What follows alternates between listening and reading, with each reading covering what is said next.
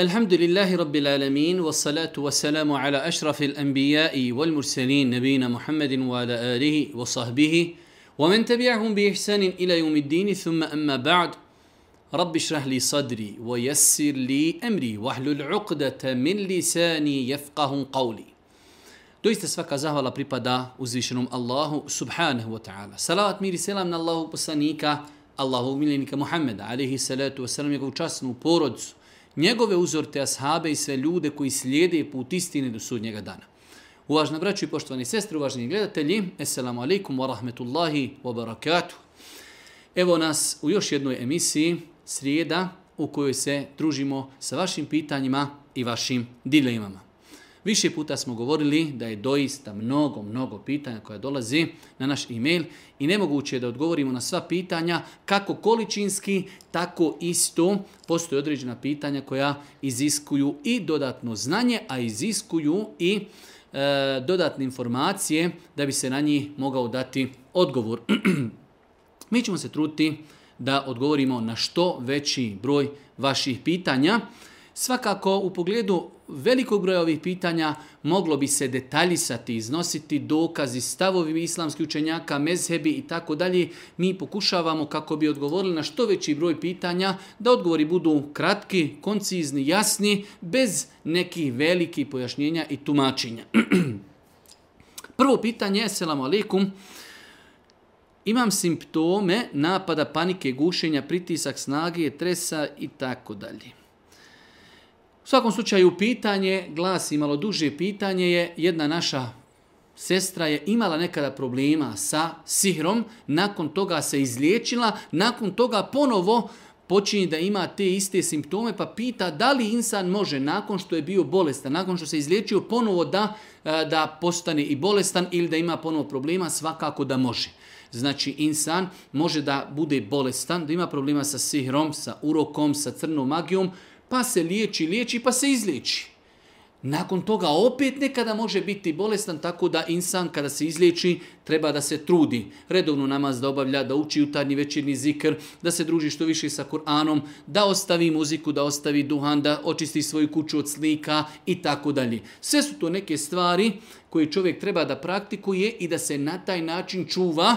Može se ponovo desiti da insan ima problema i ponovo treba da ide na učinu učenje ruke treba da se liječi, treba da se čuva. Tako da, znači, ako je nekada insan imao problema, izliječio se, može, može se to ponovo desiti. Esselamu alaikum, da li je kajra islamsko ime? Može se dati djetetu. E, osnova je da su sva imena dozvoljena, osim onih imena koji imaju loša značenje, velika, apsolutno velika većina imena na našem podneblju nima nikako značenje, tako da kajra ne vidim ništa loše u tome. Ako se to ime sviđa roditeljima, ne vidim zašto se ne bi moglo uh, dati djetetu. Treće pitanje, zanima me kako se ispravno zikri poslije namaza, a da to nije zajednički zikr. I kako se ponašate kada klanjaš u nekom džematu gdje se zajednički zikri? U svakom slučaju, mi smo više puta govorili da insan uh, Uh, odnosno da nije zabilježeno da je Allah poslanik alaihi salatu wasalam zajednički zikrio sa svojim ashabima nakon svakog namaza. Propisano je čovjek kada klanja farz namaze u džematu, nakon farza da sjedne i da prouči one zikrove koji su preneseni od Božih poslanika alaihi salatu wasalam, od kojih je ajetul kursi 33 puta subhanallah, 33 puta alhamdulillah, 33 puta uh, Allahu ekber i još neke dove koje su zabilježene od Božih poslanika alaihi salatu wasalam, tako da znači nije zabilježeno da Allah poslanik u džematu zajedno sa sahabima zikrio nakon farz namaza, propisano je da insan nakon farz namaza sam zikri. Kako će se čovjek ponašati? Tako što će, kada klanja farze, ostati na mjestu gdje je klanjao lagano će zikriti, e, opet gledati da ne remeti e, ambijent džamije u kojoj se nalazi, ako ima potrebe da se povuče u zadnji saf gdje ne smeta nikome, lagano će odzikriti. Nakon toga, ako ima vremena i ako imaju sunneti nakon tog zikra da ih klanja, ako ne, izići će iz džamije. Esselamu alaikum ako može da mi odgovori, tala vas nagradio, da li beba ili dijete može da spava između roditelja? U našem kraju to svi osuđuju, ni po koju cijenu i tako dalje. E, islamski učenjaci na osnovu onog hadisa da Allah poslanik alaihi salatu wasalam kazao djeci naređujte, naređujte e, namaz u sedmoj godini, odgojno ih već ako treba i istucite e, u desetoj godini, u farraku bejnehum filme dođi'a u desetoj godini, kada napuni deset godina, između djece rastavite ih u posteljama. Pa su kazali islamski učenjaci, shodno tome je da e, i dijete ne treba nakon desete godine da više spava sa svojim roditeljima u postelji. Pa čak i prije toga. Tako da, e, što je dijete manje, veća je znači dozvola i mogućnost da dijete spava kod svojih roditelja, e, što više dijete odrasta 7., 8., 9. godina, već dijete treba privikavati da spava e, znači samo i čak da se odvaja i od svoje braći u, postolj, u postelji, pa su kazali islamski učenjaci, najbolji vid je da svako dijete ima svoju sobu, ako može. Ako ne može, onda da znači djeca u istoj sobi budu, ali da imaju, da imaju zasebne krevete. Ako ni to ne može, može, onda ako djeca leži na jednom većem krevetu, svako od njih treba da bude odvojeno od drugog djeteta i da ima poseban pokrivač. To su neki znači stepeni e, razdvajanja djece u postelj. Tako da ovo pitanje nije znači ovako kako je spomenuto u ovom pitanju da ljudi e, u kažu našim krajevima puno to osuđuju. Tako ako je dijete e, 4, 5, 6, pa i 7 godina da spava pored roditelja, ako Bog da, nije sporno. imam pitanje vezi zekijata, ne mogu nikako da shvatim. Primjer radi, e, imam 5000 na računu, dao sam zekija, sljedeće godine uštedim još 2000, da li zekija dajem samo na 2 ili dajem na 7? O tom pitanju smo mi i pisali i govorili više puta. Nerijetko nam se dešava da ljudi kažu, evo ja sam imao nisab i izdvojio sam zekijat do sljedeće godine, znači možda sam još nešto uštedio, da li dajem sljedeće godine zekijat na samo ono što sam pridodao ili na cijeli novac? Svakako, znači, može se na jedan novac dati 10-20 godina zekijat. Sve dok, sve dok novac prelazi nisab, i sve dok je pregodinio, tokom cijele godine nikada nije padao ispod nisaba, nama je nakon znači pregodinjavanja obaveza da dadnemo uh, zekijat na taj novac. Tako se može desiti, primjer, da imamo 50.000 maraka. Jedne godine dadnemo zekijat, sljedeći godine opet i 50.000 stoji, opet dajemo zekijat i tako dalje. Sve dok je novac iznad nisaba i sve dok novac je pregodinio, kada godom pregodini, mi pregodinjavamo tu svotu podijelimo sa brojem 40 i ono što dobijemo to je e, e zekijat kojeg je obaveza da izdvojimo. Tako da znači svake godine se izdvaje novac, izdvaja zekijat na novac koji je veći od nisaba i koji je pregodinju na svu svotu novca koju imam. Imamo ovih dana, pošto je bila jedna velika medijska kampanja protiv nas, protiv naših grada i naših djelovanja, pa imamo dosta e-mailova u kojima ljudi e, podržavaju naš rad, daju nam riječi podrške, govori kako su počeli klanjati sestre, kako su počeli nositi hijab, kako su roditelji određeni braći i sestara počeli da klanjaju slušajući naša predavanja, pa evo mi koristimo priliku da braći i sestrama svima se zahvalimo na riječima podrške, a bilo ih je doista, doista mnogo. Molimo Allah subhanahu wa ta'ala da sve nas učvrsti na putu istine, molimo ga subhanahu wa ta'ala da on subhanahu wa ta'ala, bude zadovoljan svima nama.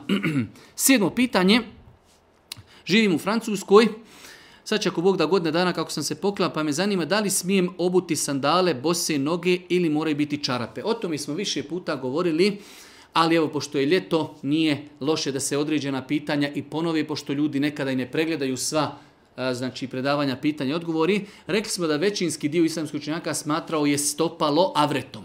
Što znači, većinski dio islamskih učenjaka smatruje žena kada izlazi iz kući, znači treba da pokrije stopa, lako oblači sandale, treba da znači nosi, treba da nosi čarape, jer većinski dio islamskih učenjaka smatrao je da je e, znači stopalo stidni dio tijela, a i ne doliči. I ne doliči znači da jedna žena vjernica nosi mahramu, nosi džilbab i da ju ispod tog džilbaba sjevaju i hajde da kažemo da se vidi uh, e, da se vide stopala otkrivena bez znači pokrivenih čara bez pokrivenih stopa, stopala i obučenih čarapa tako da e, ja sam stava da žena kada izlazi na polje treba da obuče čarape i da joj stopala budu pokrivena E, uvaženi gospodine Peću, zanima je kakav je status roditelja muslimana praktičara vjere koji u 99 slučajeva bez razloga psuje i vrijeđa svoje dijete. E, E, nakon toga kaže, gospodine Pješću, ja se stvarno trudim, ali više ne mogu, ne znam šta da radim. Ja trpim blago rečeno torturu, gotovo svaki dan dolazi, la sam u iskušenje da se ubijem, estalfirula i tako dalje. Ovo su ta neka standardna pitanja gdje e, omladina e, nema razumijevanja od strane svojih roditelja, gdje roditelji torturišu svoju djecu. Ono što mi generalno možemo preporučiti jeste da u ovakvim situacijama insan treba da osaburi, da se strpi radi Allaha, očekujući Allahu subhanahu wa ta'ala nagradu, da koliko može da utječe, sugeriše, govori, savjetuje i ono što ostaje jeste da se pokuša uh, u što nekom kraćem roku odvojiti. Da li ako je u pitanju djevojka da se uda, ako je u pitanju muškarac da ode da nađe sebi neki posao, da iznajmi sebi neku garsonjeru gdje će živjeti i na taj način da, hajde da kažemo, pobjegni od te torture, jer pogledajte ovdje da nam kaže ova naša sestra razmišlja o samoubistvu. To je nešto krupno. Pogledajte koliko tortura roditelja na dijete može biti velika, bespravno do te mjeri da dijete razmišlja o samubistvu. Tako da naš savjet je strpljenje radi uzvišnog Allaha subhanahu wa ta'ala sabur, doviti Allahu subhanahu wa ta'ala da olakša insanu razgovarati, govoriti roditeljima, ukazivati im na to da je njihovo obhođenje prema djetetu neispravno, da mu je teško, da razmišlja ako treba i to da im rekne o samoubistvu i da u što kraćim roku u granicama ljudske mogućnosti pokuša naći neki izlaz u slučaju ako je žensko u pitanju lagano da vidi neku ozbiljnu vezu, da se uda, ako je u pitanju muškarac onda da traži neko zapošljenje, zapošljenje i da napusti taj ambijent. Da li je dozvoljeno nositi piercing minđuše na nosu? Islamski učenjaci govorili su o ovom pitanju, e, mnoge fetve savremenog duva postoje. Ono što možemo kazati jeste kao pojava da je to dozvoljeno. Znači dozvoljeno je kao što je ženama dozvoljeno da stavi naušnicu u uho, dozvoljeno je da stavi e, znači naušnicu u nos za podneblje gdje se to smatra ukrasom i za e, osobu e, čiji muž konkretno primjera radi e, smatra da je to lijepo i gdje će ga to dodatno fascinirati.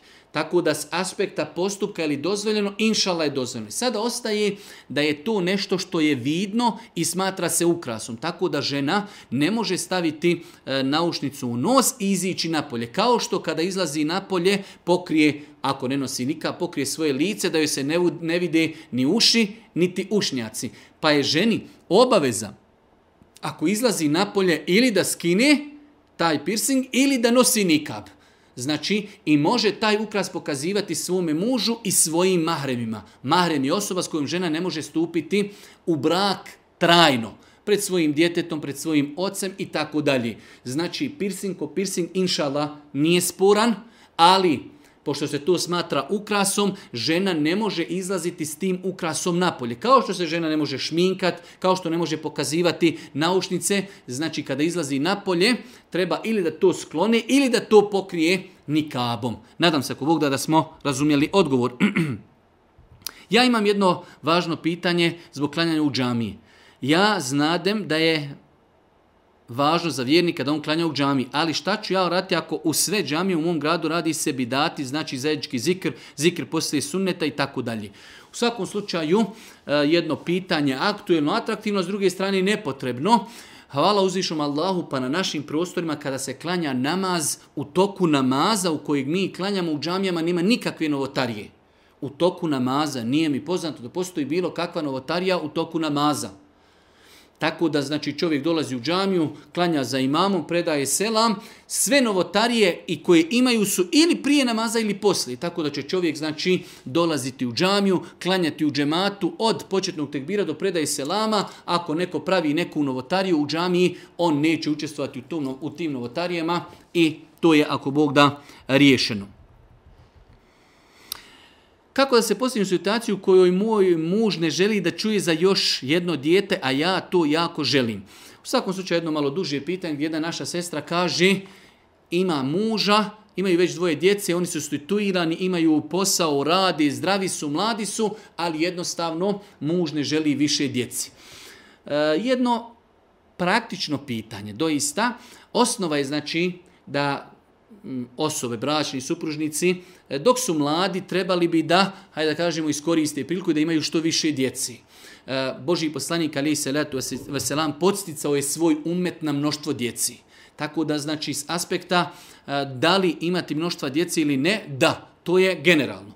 E sada dolazi taj moment, nekada je situacija obrnuta, mu želi djeci, žena ne želi djeci, pitanje broja djeci trebalo bi da bude E, dogovor između muža i ženi. Tako da, e, znači, razumijemo ovu našu sestru. Ono što je mi savjetujemo jeste da ne treba previše zatezati oko toga polako. Znači, možda da neka prođe jedan određen period pa lagano razgovarati s mužem. Pa, znači, nadamo se ako Bog da, da će on to prihvatiti s vremenom. Znači, pitanje je razgovora, pitanje dijaloga. Jednostavno, e, kada je u pitanju broj djeci, porodca, onda to treba da bude zajednički dogovor dva supružnika nasljednika, u ovom slučaju muž ne želi više djeci, žena treba znači lijepo da sa njim razgovara, pa po danim znacima da ga e, pridobije, da ga privoli i privoli ako Bog da da imaju još djeci. Esselamu e, alaikum, še imam jedno pitanje za vas, supruga mi se zove Džennet. Da li je to grijeh ili ispravno?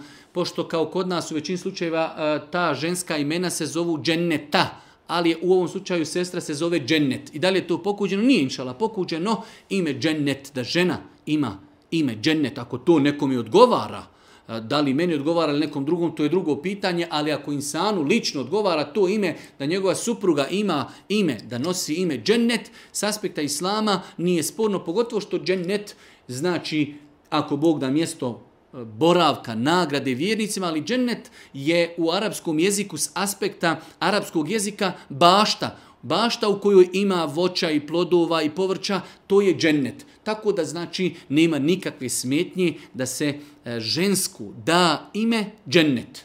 Znači, e sad, da li će neko to dati ili ne, to je drugo pitanje.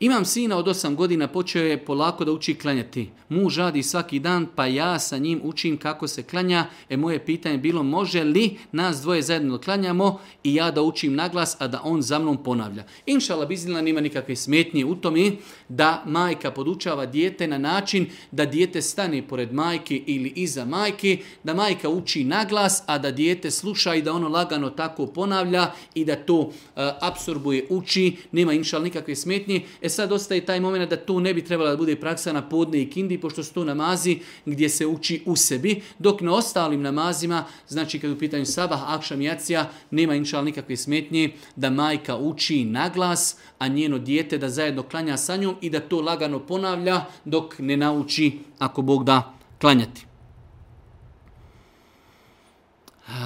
Jedan brat kaže živi u Njemačkoj, tu gdje on živi ima islamska banka koja radi po širijetskim propisima. E sad, kaže, želi da kupi stan e, na način da on odaberi stan, banka kupi taj stan, nakon toga banka prodaje njemu stan gdje će banka zaraditi određenu svotu novca.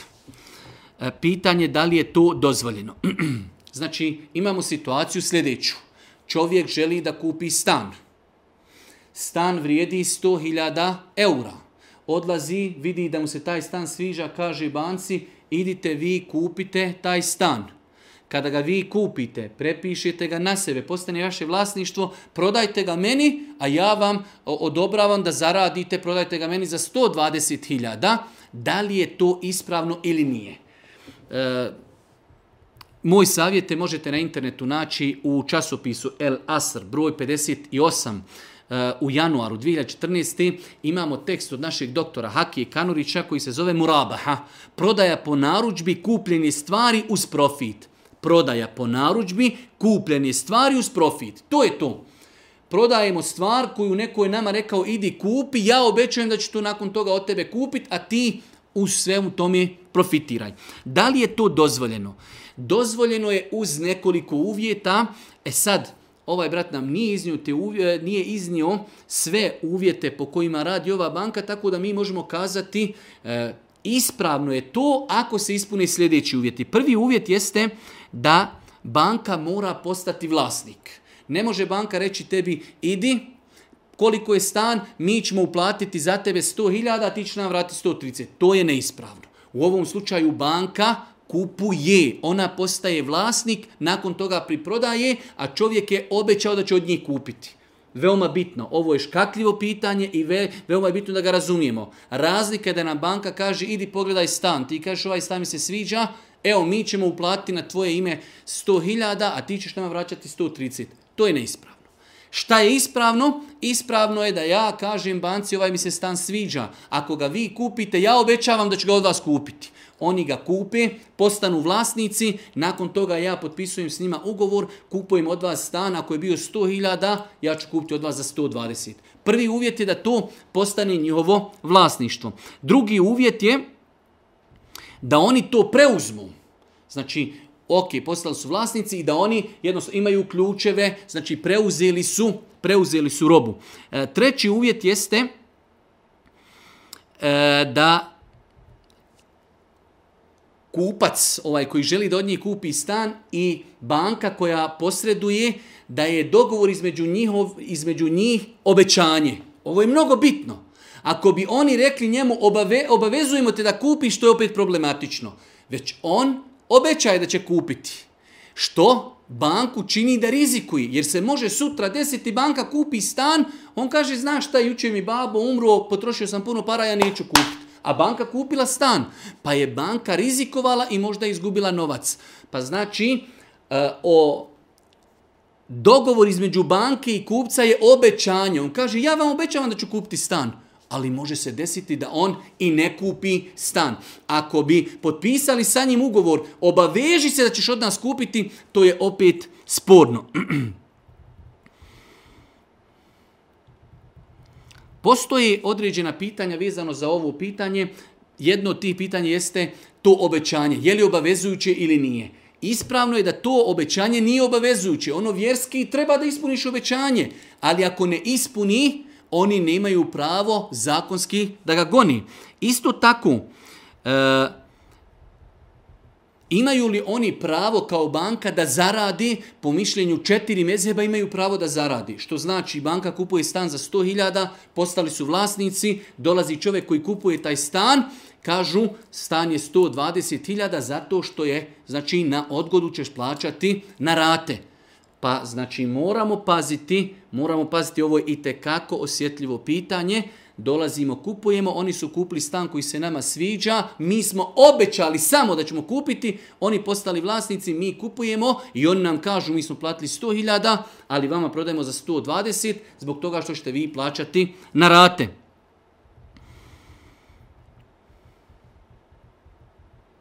Nije ispravno Nije ispravno da banka kaže čovjeku ako bi kasnio sa ratama, povećat ćemo ti svotu. Ona svota koja se dogovori, primjer radi stan je 100.000, kažu prenati za 130.000, ne mogu ako okasni on sa plaćanjem rata povećati. Mogu poduzeti nešto drugo, ali povećati ne mogu. Znači, veoma je bitno, ako budete potpisivali takav ugovor, da u ugovoru ne smije biti. Ako okasnim sa plaćanjem rati, povećaje se svota. Ne. Ne.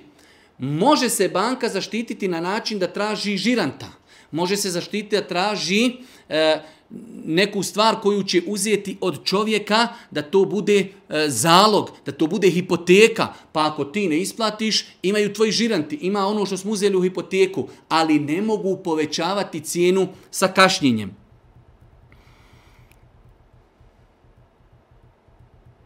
To su neke osnovne stvari koje bi čovjek trebao da zna u vezi ovakvog načina poslovanja. Znači, ako imamo banku koja posluje na takav način da nama, ako se svidi određena stvar, mi odimo pogledamo je, kažemo banci, mi obećajemo da ako vi kupite, mi ćemo to kupiti od vas po većoj cijeni, Oni odlaze, kupuju, ne idemo mi. Oni odlaze, kupuju, prepisuju to sebi, postaju vlasnici. Mi idemo kod njih, kupujemo od njih, a oni nama povećaju, ako je nešto kupljeno za 100.000, mi kupujemo za 120, zato što ćemo to plaćati njima na rate. Oni imaju pravo, znači, da se osiguraju da ćemo mi to isplatiti tako što će tražiti od nas žiranta i tako što će tražiti da se određena stvar stavi u hipoteku. Ako bi oni rekli, idite vi, kupite, mi ćemo za vas platiti 100.000, vi ćete nama vratiti 130, to je To je neispravno. Moraju oni kupiti i postati vlasnici. Obećanje koje čovjek da je obećanje. Ali ako se čovjek e, prekrši obećanje, oni ga nemaju pravo zakonski, nemaju ga pravo zakonski obavezati na to. Nadam se ako Bog da da smo razumjeli ovo pitanje.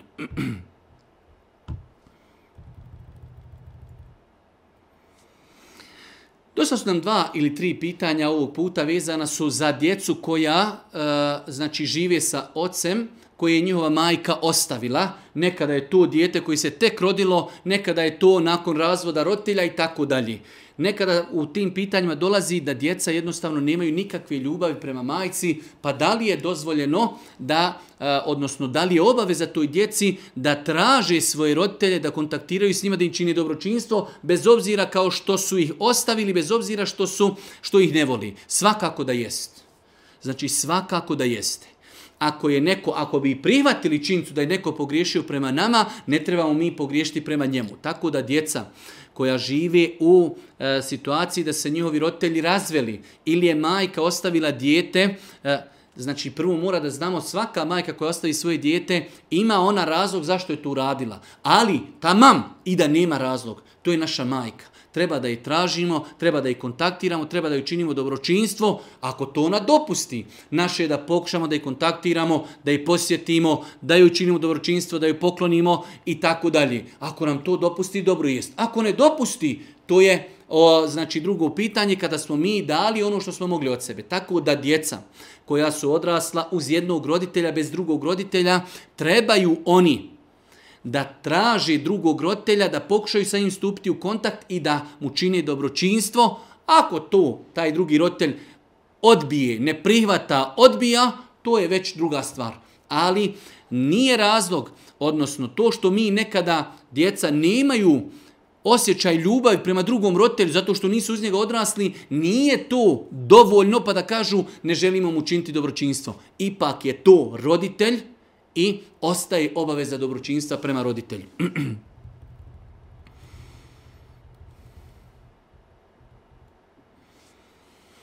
E, jedan brat nam kaže, radim u jednom restoranu gdje imam vremena 5 minuta da odvojim, da klanjam farze, možete li nam kazati šta su osnove koje se moraju sprovesti u namazu da bi namaz bio e, ispravan. E, ono što je najbitnije u momentima kada čovjek ima malo vremena da klanja jeste ta smirenost. E, Znači da čovjek svakako Allahu Ekber uči e, početnu dovu, Euza, Bismillah, Fatiha i neka najkraća sura. Inna atajna, kul huvalla, vel asr. Allahu Ekber. Odlazimo na ruku, moramo se smiriti. Koliko god da žurimo, ne smijemo otići na ruku i odmah se vratiti. Stani dvije, tri sekunde, subhana rabijel avim, makar jednom reci, lagano, smiri se i vraćamo se. Semi Allahu limen hamide, moramo se stati da se smirimo. Rabbena veleke ilhamd i odlazimo na seđdu. Na seždi se ponovo moramo smiriti, minimalno jednom kazati subhana rabijel e'la. Minimalno jednom, tri put pa i više koliko može. Allahu ekber, u sjedeći stav između dvije sežde, moramo se smiriti. Allahu ekber, opet na seždi, moramo se smiriti i moramo minimalno jednom reći subhana rabijel e'la. Vraćamo se na kijam ponovo, Allahu ekber, učimo e, znači bismilu, učimo fatihu, opet kratku suru, odlazimo na ruku, potpuno se smirujemo, subhana rabijel, azim, minimalno jednom, ali da se smirimo. Vraćamo se na kijam, semi Allahu limen hamide, potpuno se smirimo, rabbena velekel hamd, odlazimo ponovo na seđdu, jedno smirivanje, povratak sa seždu i ponovo smirivanje, odlazak na seždu, ponovo smirivanje, sjedanje na etahijatu, uh, i tako ćemo znači završiti svoj namaz. Tako da je najbitnija stvar da ispunimo ruknove, da ispunimo vađibe i da pazimo na smirenost. Da pazimo na smirenost. Nadam se, inšala, da smo razumjeli e, šta je minimum kojeg čovjek treba ispuniti da bi njegov namaz, ako Bog da bio validan. Jedna naša sestra napisala je duži neki email, javljao se neka žena anonimno sa nekog lažnog profila, nakon toga joj rekla, e, da je iz Norveške, da treba da se pazi, da će u narednim danima se nešto čudno desiti, ona se nakon toga uplašla i tako dalje. Nekoliko grešaka u svemu tome. Prva stvar, nemojte prihvatati kontakte sa nepoznatim osobama. I mirna Bosna. Druga stvar, bilo koje proricanje budućnosti je neistina i netačno. Šta god da vam neko kaže, desit će ti se, laži. Uzmite sebi, naučite pravilo, laži Qul la ya'lamu al-ghaiba illa Allah. Reci, ne zna gajb, ne zna budućnost, ne zna skriveno niko osim Allah. Boži poslanik je bio poslanik, nije znao gajb. Tako bilo kakvo nagovještavanje nečega je netačno. Nemojte se tome osvrtati i mirna Bosna. Nemojte kontaktirati sa osobama koji su vam nepoznate, nemojte dozvoliti da vam neko prodaje maglu, da će vam se nešto desiti u budućnosti i bit ćete ako Bog da mirni. Da li je dozvoljena van tjelesna oplodnja u islamu? Van tjelesna oplodnja u islamu ima nekoliko različitih načina. Ono što je dozvoljeno jeste dozvoljeno da bude između muža i ženi. Može biti na dva načina. Imamo vanjska oplodnja, nakon toga, nakon što se oplodi, znači e, plod, ubrizga se u maternicu supruge, To je jedan dozvoj način ili drugi način da se uzme sperma od muškarca i da se ubrizga e, na određeno mjesto kako bi se desila unutarnja oplodnja u utrobi njegove supruge. To su dvije opcije koje su dozvoljene. Znači da se od muža i žene uzmu njihove tečnosti i da se oplode izvan, znači izvan njihovog tijela, van tjelesni i da se nakon toga ubrizgaju u suprugu.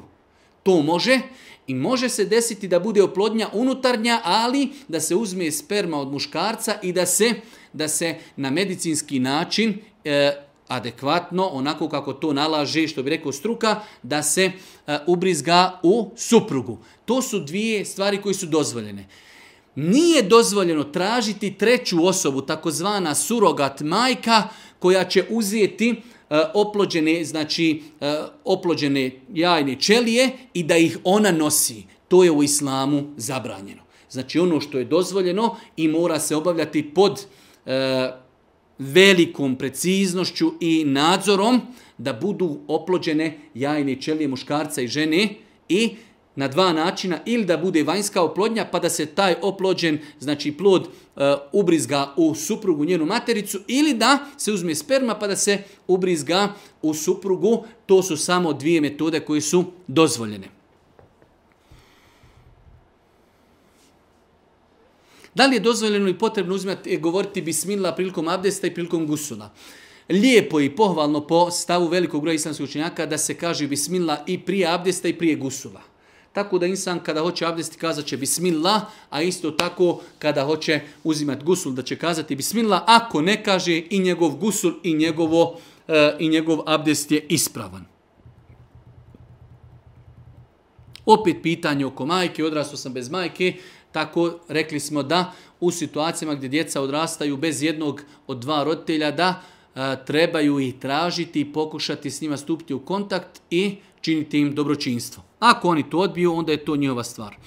20. pitanje, da li je dozvoljeno igrati igrice u islamu? Igrice u islamu u osnovi nisu zabranjene igrice kao igrice, e sad ostaje da u tim igricama ne treba da bude ništa zabranjeno. Od psovanja vjere, od muzike i tako dalje. I u svemu tome da igrice ne budu glavna preokupacija djetetu i da ne odvraćaju dijete od igrice namaza, od učenja Kur'ana, od obročinstva prema roditeljima. Tako da znači da budu umjerene i da u njima nema ništa što je sporno islamom, U, u tom slučaju, ako imamo takav vid igrica, nema inšala, nema spornosti da se dijete opusti u datom momentu, da se igra znači sa nekim igricama, pod uvjetom da unutar igrice nema ništa što je sporno islamom, da nisu popraćene muzikom i s druge strane da to vanštinom neće dijete e, sputati od namaza, od obročinstva roditeljima, od učenja Kur'ana, znači da to ne bude glavna preokupacija djetetu. Kako uzeti gusul kada iziđe sperma u snu? Jednostavno, znači ako e, omladinac vidi da je doživio ejakulaciju e, i poluciju u snu, e, jednostavno kada se probudi, e, treba da uzme gusul, znači na način kao što smo više puta pojašnjavali, imamo dva načina gusula, da čovjek ispere usta i nos, nakon toga da ode pod tuš i da se istušira mora istuširati cijelo tijelo, to je jedan način. Drugi način je da insan e, kada dođe želi da otkloni od sebe džunupluk, da opere stidni dio tijela, nakon toga da abdesti potpun abdest, nakon toga da opere glavu, nakon toga da opere desni dio svoga tijela, nakon toga da opere lijevi dio tijela, iako Boga lijevu stranu tijela i na, te, na taj način je uzeo potpun gusl. Jedna naša sestra pita, da li može pohađati kurs arapskog jezika u nekom centru gdje je predavač muškarac i gdje u razredu ima i muškaraca i žena, a gdje se nada da će moći obavljati namaz. U svakom slučaju, mi živimo u vremenu i prostoru kakvom svi znamo kakav je, tako da e, ja lično smatram da žena u takvoj situaciji, ako je arapski jezik potreban, svima nama je arapski jezik potreban da razumijemo Kur'an, da razumijemo sunnet, da razumijemo ono što učimo namazu, ako nema opcije da studira, uči arapski jezik, znači u razredu gdje su samo žene i gdje je žena mu'alima predaje arapski jezik, da ode u takav razred, ali opet da pazi kako će se ponašati. Da sjedi sa ženom, da obara pogled, da ako već nešto govori i kazuje, da ne bude znači govor koji će e, privlačiti tuđu pažnju, uljepšavanje govora, da ako može da sjedi u nekoj zadnjoj klupi sa svojom nekom e, kolegicom, da ne sjedi sa muškarcima, ako inšala e, se pravilno i ispravno nosi islam islamsku odjeću, ako znači kontaktira sa učiteljem onda samo kada ima potrebu, ako sjedi u nekoj zadnjoj klupi, nadamo se ako Bog da, da će na taj način postupiti ispravno. Pita čovjek da li je ispravno konzumirati meso, komšija, kurbansko meso, koji ne klanjaju redovno namaz, klanjaju džumu, klanjaju bajram i tako dalje. U svakom slučaju, sama činjica dok je neko zaklao kurban, kurban je ibadet. badet on time pri, on potvrđuje time pripadnost islamu. Ako u svemu tome još ima i bajram, ima i džumu, ima neku teraviju, nekada posti, on je svime time potvrdio da je musliman, tako da nadamo se ako Bog da, da je e, ispravno i dozvojno uzeti kurban od takve osobe i jesti takvo meso. Znači, jer jednostavno insan e, je svojim postupcima potvrdio da je, da je musliman to što ostavlja namaz je apsolutno veliki grijeh i tako dalje, ali mi govorimo da je on ostao u jednoj najširoj granici, najširoj granici islama i samim time ako Bog da meso takvih osoba je dozvoljeno konzumirati. Zapise koje nađemo u kući, šta sa njima raditi, sve što se nađe u kući od zapisa, hamailija ili nečega slično, tome čovjek treba da raz, razmota bismiletom i da to zapali. 25. E, pitanje, htjela sam da vas pitam, išla sam u školu Kur'ana, završila sam sufor i počela učiti u Kur'anu. Onda sam ostala trudna i trudnoća mi je rizična, pa sam kući nastavila sama s tim što pustim učača i poslije ja za njim pomalo učim, pa me zanima je li tu ispravno i Kabul. Inšala biznila da je ispravno, znači ono najbolje je učiti Kur'an samo alimom ili sa efendijom, znači sa osobom koja nas uči, ali evo u ovom konkretnom slučaju naša ova sestra je prošla suferu, počela učiti sufaru, počela učiti u Kur'anu, došla je trudnoća, ne može više ići na časove sufari, pusti učača, za njim ponavlja, svakako da će tu biti neki greškica, ali insan treba da nekoliko puta posluša kako taj učač lagano, znači naći učače koji sporo uči, slušati kako oni uči, pokušavati to povezati sa onim što smo mi naučili iz sufare i truditi se što više da čovjek što bolje to izgovara i nadamo se inšala da je to kabul. Trebam dobiti naplatu od firme koju smo tužili, kamata će biti puno, puno oko 10.000. E, iako smo potpisali se odričimo, pravno se mora isplatiti na naš račun. Šta urati u ovakvim slučajima? Znači imamo slučaj situaciju gdje čovjek tuži firmu koju je bio, nadamo se s pravom. Nakon toga dok se završi proces, e, e, sud obaveže firmu da mora isplatiti zatezne kamate koji su u ovom slučaju 10.000 maraka, Šta čovjek treba da uradi? Najbolje je da insan, pošto znamo da je zakon obavezao e, tu firmu, znači mi taj novac trebamo uzeti i uplati ponovo na račun te firme i kazati mi vam uplaćujemo, vraćamo zato što ne uzimamo kamatu. To je znači e, po meni najbolja stvar koju čovjek može uzeti. Ako bi se desilo, iako je to veoma teško, da insan ne može to vratiti toj firmi koj, od koje je uh, to uzeo, onda znači neće ostaviti sebi kamatu, onda će to podijeliti u neke dobrotvorne svrhe. Ali ako imamo mogućnost da mi uzmemo svoj dio novca, a ostatak koji je jasno preciziran kamati, da vratimo onome kome je nametnut taj zakon da nam to mora platiti, svakako da je najprioritetnije da njima vratimo tu svotu novca. Da li je dozvoljeno obilježavanje rođendana? U svakom slučaju mi smo nekoliko puta govorili velik broj savremenih učenjaka jer rođendan i slavljenje rođendana nije bilo poznato e, u nekim, hajde da kažemo, prijašnjim vremenima, u zadnjih možda 30, 40, 50 godina, manje ili više. E, velik broj savremenih učenjaka e, je smatrao da je to zabranjeno. Zato što se to ponavlja iz godine u godinu, a to je znači Boži poslanik Ali se letu selam kazao nemojte uzimati moj kabur id nemojte moj kabur uzimati da ga da dolazite u svakoj godini u istom periodu da posjećujete moj kabur. Pa su islamski učenjaci kazali svaka stvar koja se uzima da uvijek u istom terminu se radi već poprima, poprima e, znači e, izgled novotarije.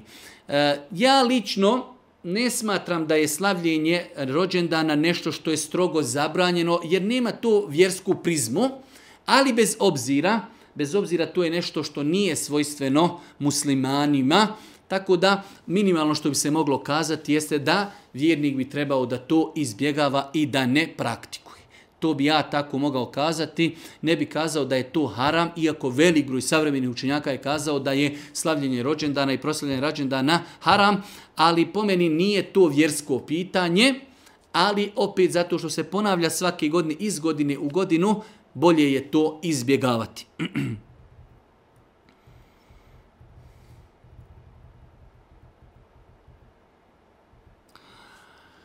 Assalamu alaikum, uvaženi šehu, imamo jedno pitanje, ja i supruga gdje spavamo imamo ramove od Mekke i Medine i časni Kur'an, da li je to problem? Nema smetnje, znači da čovjek u spavačoj sobi ima uh, ramove ili slike Mekke i Medine, da uh, negdje pored spavače uh, kreveta bude uh, stolić na kojem imamo mushaf, da li to je razlog da čovjek ne može u toj sobi spavati, imati intimni kontakt? Nije nikakav, ako Bog da, razlog.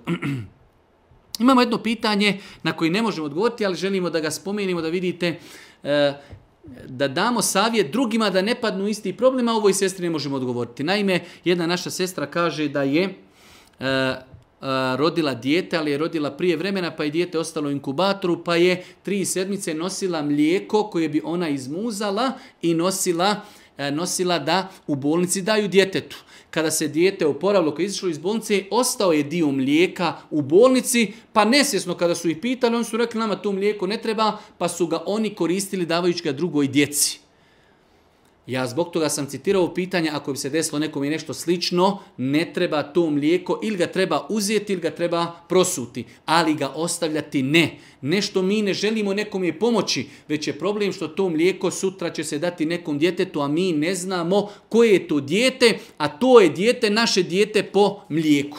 Naše djete po mlijeku, ta žena je njegova majka. Ja ne mogu dati ovoj sestri naš odgovor šta da čini koje dijete je popilo to njeno mlijeko, koliko ga je puta popilo i tako dalje. Teško pitanje, mnogo teško pitanje, e, ima na zapadu nešto što se zovu e, banke mlijeka, gdje žene svoje mlijeko donose, to mlijeko se mliješa i nakon toga ga piju djeca, pa su islamski učenjaci to sporili, veliki islamski učenjaci su kazali da žena ne treba da daje svojem lijeku u te banke baš zbog toga.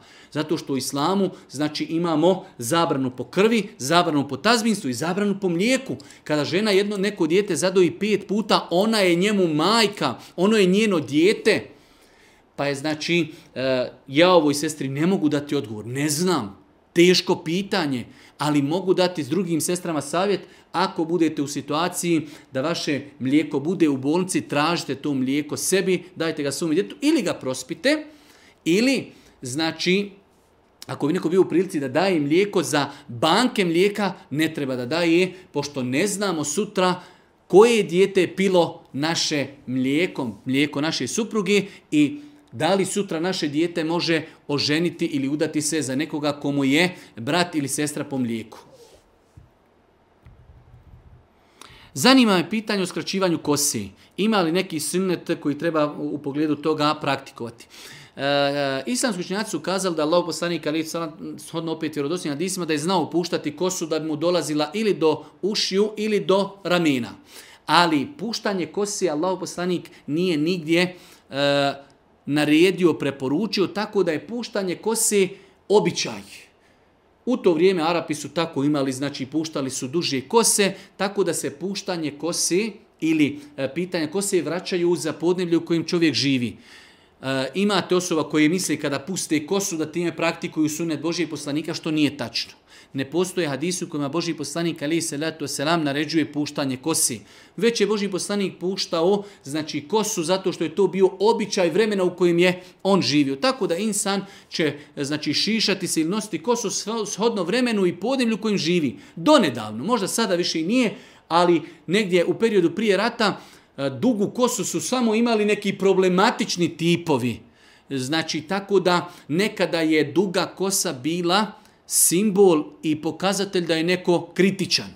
Već sada to više i nije, ali u svakom slučaju znači insan po islamu je došlo, može obrijati kosu, može pustiti kosu, treba da pazi da je njeguje, znači da bude, da pazi na higijenu. Uh, Isto tako ono što je najbitnije zapamtiti da je Boži poslanik zabranio da se jedan dio kose obrije, a drugi ostavi. Nažalost, moda je došla i do toga da danas imamo mnogo muškaraca koji jedan dio glavi obriju, jedan ostavi, to je Boži poslanik zabranio. Obrijati cijelu glavu je dopušteno, pustiti kosu isto tako je dopušteno, ali se to ne smatra sunnetom, niti nešto zbog čega će čovjek biti nagrađen.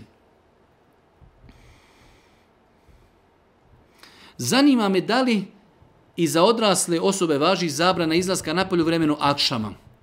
E, ne.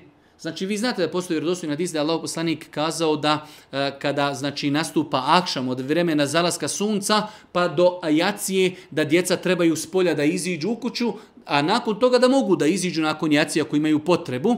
Da li se to odnosi na, muška, na starije, a ne na djecu? Ne odnosi se.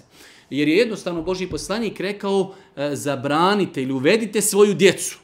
Da je htio da rekli, svima rekao bi svima, djecu. Pa su kazali islamski učenjaci da je mudrost u tome što djeca ne znaju učiti večerni jutarni zikr, nemaju tu zaštitu koju imaju odrasli kada je u pitanju znači zaštita od džina i šetana, a Boži poslanik je e, pojasnio pa je kazao uvedite djecu u kuću jer je to vrijeme kada se šire i djeluju džini i šetani. Tako da hadisi u kojima to stoji odnose se prvenstveno na djecu.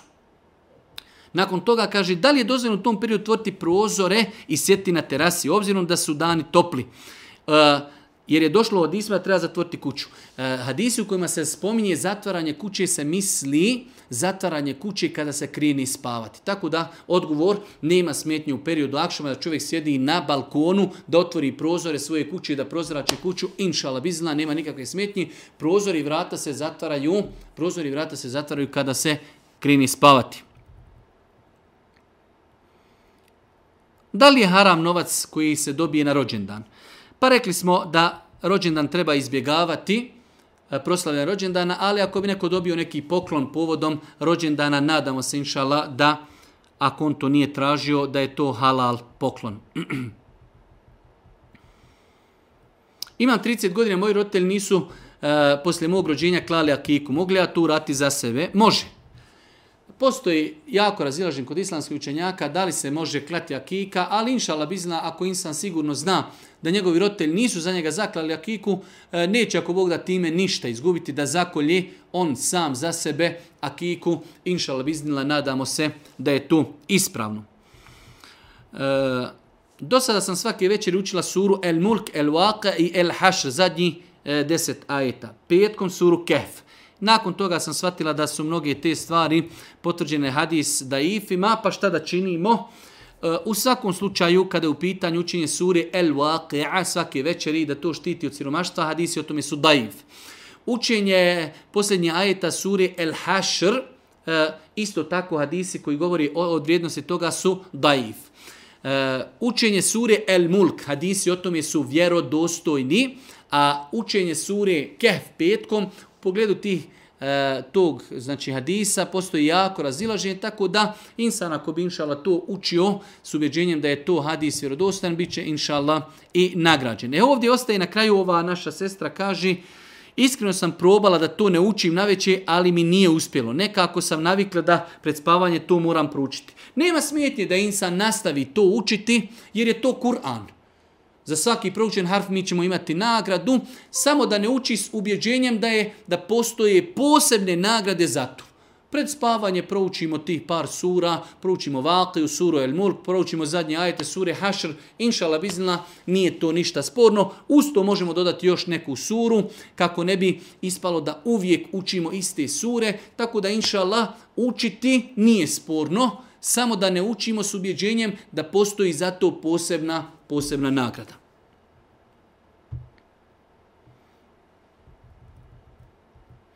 Zanima me da li je dozvoljeno sa porodcom, roteljim, bratom i sestrom kupat se u ograđenom bazenu.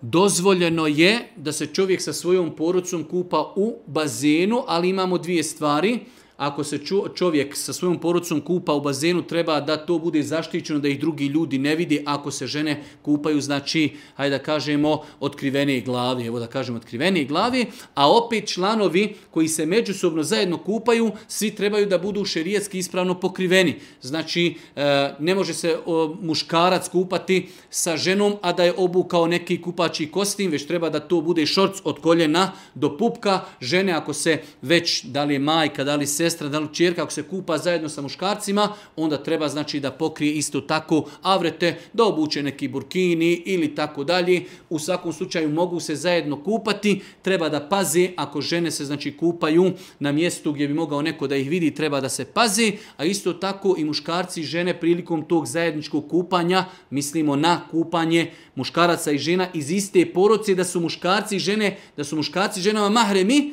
Tada znači muškarci moraju pasti na svoje avrete od koljena do pupka i žene treba da pokriju svoje avrete. Pitanje u vezi džume u našim džemace klanja četiri sunneta i dva farza. Treba li se klanjati podni namaz? Ne. Znači, e, propisan čovjek kada dođe u džajmiju klanja tahijetul mesčid i klanja na file koliko još hoće. Klanjamo dva rekiata e, džume. Uh, džume. Nakon toga možemo klanjati dva ili četiri rekiata i to je to. Podne nema potrebe da se ponavlja. Imam pitanje koje me mnogo muči. Slušam priče stalno kao može i ne može. Da li je od Allaha dozvoljeno da momak može oženiti djevojku ako su četvrto koljeno? Mi smo o tome više puta govorili, u našem podneblju postoji jedno neispravno uvjeđenje, to je da čovjek ne smije ženiti osobu koja mu je bilo kakav rod što je neispravno što je neispravno. Svakako treba uvažavati činjenicu da naš narod e, ne podržava da se ljudi žene iz rodbine. To u redu, ali nekom je osporiti ako to uradi da je to neispravno, nije tačno. Svakako čovjek koji e, bude to praktikovao treba da pazi kako će pristupiti tom pitanju, e, reakcija njegovog oca, njegove majke, majke, djevojke koju ženu i oca i tako dalje. Ali da li je po islamu dozvoljno čovjek oženi djevojku koja je u rodbini sa njim četvrto koljeno? Apsolutno da apsolutno da s aspekta islama. Kako to tehnički izvesti, to pitanje vraćamo mladencima, kako će to oni tehnički e, dogovoriti sa svojim roditeljima, to je nešto drugo. S aspekta islama, da li je dozvoljeno? Apsolutno da. Da li se su sunneti koji su e, nakon namaza mogu naklanjati? Da li su su, primjer, radi čovjek je klanjao podne i nakon podne je imao neku žurbu, nije mogao klanjati, nastupila je ik Indija. Da li nakon akšama može naklanjati te e, sunsunnete? Da ili sunnete koji se klanju posle podne, može. Allah najbolje zna, inšala, nema u tome ništa, nema u tome ništa sporno i loše. Ako je to čovjek ostavio iz nekog opravdanog razloga, ako ima redovnu naviku da uvijek klanjati sunnete, da i nakon toga klanja, inšala, vi zna, nadamo se da to nije problem, jer je to u osnovi e, period kada može klanjati opću na filu, tako da, inšala, to je svakako dobar ibadet.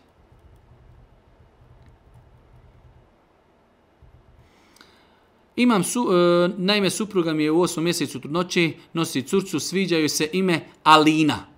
Ti ovdje joj dovoljim, pa da li je to ispravno ime Alina? Mi smo rekli više puta da e, osnova je sva imena su ispravna, osim imena koje imaju loša značenja, Alina. Meni nije poznato da ima neko loše značenje, ako se to ime sviđa roditeljima, ne vidimo ništa loše u tome da nadju svojoj curici ime Alina. E, Poznato je da se oko dosta stvari u islamu postoji razilaže među učenjacima, kao na primjer učenje Fatihe za imamom, da li su vitr, da li je sunnet ili vađiv i tako dalje. Po pitanju razilaženja učenjaka nevezano o čemu je reč, da li će Allah Đelšanu kazniti onu stranu koja je bila u krivu? Neće. Neće onog momenta, ako je to pitanje doista podležno različitim razumijevanjima i svako od njih slijedi ono što je ubijeđen. Jer je došlo u hadisu Božijeg poslanika, ali se letu sada da kaže, kada se potrudi hakim da potrefi istinu, sudi, trudi se, pa potrefi. Ima, kaže, dvije nagrade. Jer je se trudio i potrefio. A ako promaši istinu, bit će nagrađen jer je se trudio. Tako da u pitanju, na primjer, radi eh, da li se uči fatiha u namazima u kojima imam uči naglas ili ne poznato pitanje u kojim se učenjaci žestoko razišli. Ako ja smatram da se treba učiti ili ne treba, ja to radim iz ubjeđenja, pa će mene Allah pitati na sudnjem danu po mome uvjerenju, a drugu osobu koja je bila drugog stava će pitati po njenom uvjerenju. Tako da, e, to su pitanja koja su podležna ijtihadu, različitim razumijevanjima dokaza, bitno je da čovjek tu pristupa iskreno. Prihvatam ono u šta sam ubijeđen, i insan će biti zbog toga ako Bog da nagrađen. da li je dozvoljeno uklanjati e, dlakice između obrva? Islamski učenjaci su kazali da dlakice koje se nalaze između obrva ne potpadaju pod pojam obrvi. Znači mi znamo da su u islamu da je Allah poslanik strogo zabranio čupanje obrva, strogo zabranjeno, ali pe, e, ovaj dio između obrva on ne potpada pod obrve. Tako da uklanjanje tih dlakica, ako Bog da, nije sporno islamu. Znači ne potpada pod zabranu čupanja, čupanja dlaka obrvi. Pitanje za moju majku, obavlja namaz, ali bila je u takvoj situaciji da je izmetila čovjek koji druge vjeri i koji ima pse u kući. Da li je dozvoljeno klanjati u takvim okolnostima sa psima koji su oko nje? E, velik broj islamskih učenjaka smatrao je psa, generalno psa, kao pojavu nečistim. Ali Allah najbolje zna tačno je da je samo nečista pljuvačka od psa, svakako izmet, znači i mokraća su nečisti. Tako da žena ako boravi u kući gdje ima pasa, želi da klanja, treba da klanja na mjestu gdje vidi da nema ništa. Znači, e, vjerujem da je veoma teško naći da ima kuća po, gdje ima mokraće ili izmeta po kući od e, pasa. pasa ili da ima pljuvačke. Tako da znači nema smetnji, čak što više obaveza je ženi u namaskom vremenu da nađe mjesto koje je čisto parket, da prostoje sebi svoju neku seđadu i da na to mjesto, ako Bog da klanja to što u toj kući ima pasa, nije razlog da osoba ne klanja nama. Znači rekli smo da je tačno mišljenje da je samo pljuvačka od psa nečista, izmet i mokraća su nečisti. Tako da žena treba da nađe sebi neko mjesto na nekim pločicama, na nekom parketu, To ćeš samo prebrisati, staviti se džadu i ako Bog da, klanjati na to mjesto. Jedno pitanje, namaz sjedeći, pošto me nekad ljenost obuzme da klanjam, kako se klanja? Allaha me je stid i tako dalje. Pita insan kako da klanja sjedeći i kada se može. E, moramo naučiti jednu veoma bitnu stvar, a to je u islamu se namazi dijele u dvije kategorije. Imamo farz obavezni i imamo na filu dobrovoljni kada je u pitanju farz namaz, stajanje u namazu je rukn. Ne možemo mi reći onako nešto danas ne želim da klanjam stojići, da klanjam sjedići. Ne može. Osim da je čovjek bolestan, ne može stajati, ima opravdan razlog, u takvoj situaciji kažemo klanjaj sjedići. Tako da znači klanjanje kada je u pitanju farz moramo klanjati stojeći osim ako smo bolesni ne možemo iz opravdanog razloga klanjati stojeći onda ćemo klanjati sjedeći. Kada je u pitanju dobrovoljni namaz na fila, možemo odma u startu početi klanjati sjedeći. Ali nam je tada nagrada pola namaza. Možemo, znači, bez opravdanog razloga. Evo, hoću da klanjam e, sunnete poslije podne namaza. Mogu odma sjedeški da počnem, iako sam zdrav. Allahu ekber sjedeški klanjam, ali mi je nagrada pola namaza. Znači, kada je u pitanju farz, moramo klanjati stojeći, osim ako smo bolesti ili imamo opravdan razlog da ne stojimo. Ako je u pitanju na fila, Možemo odmah u startu, ne moramo imati razlog klanjati sjedeći, ali tada imamo pola nagrade od namaza koji klanjam. Nadamo se, ako Bog da, da smo razumili. Uzvišnjom Allah, tebara koja ta'ala, molim da ono što smo čuli bude korisno za nas. Molim uzvišnjom Allah, subhanahu wa ta'ala, da nas poduči korisnom znanju. Molim ga, subhanahu wa ta'ala, da popravi stanje muslimana, ma gdje bili, na kraju, subhaneke, Allahumme ve bihamdike, ešhedu en la ilaha ilan stakfiruke, wa etubu ilaik.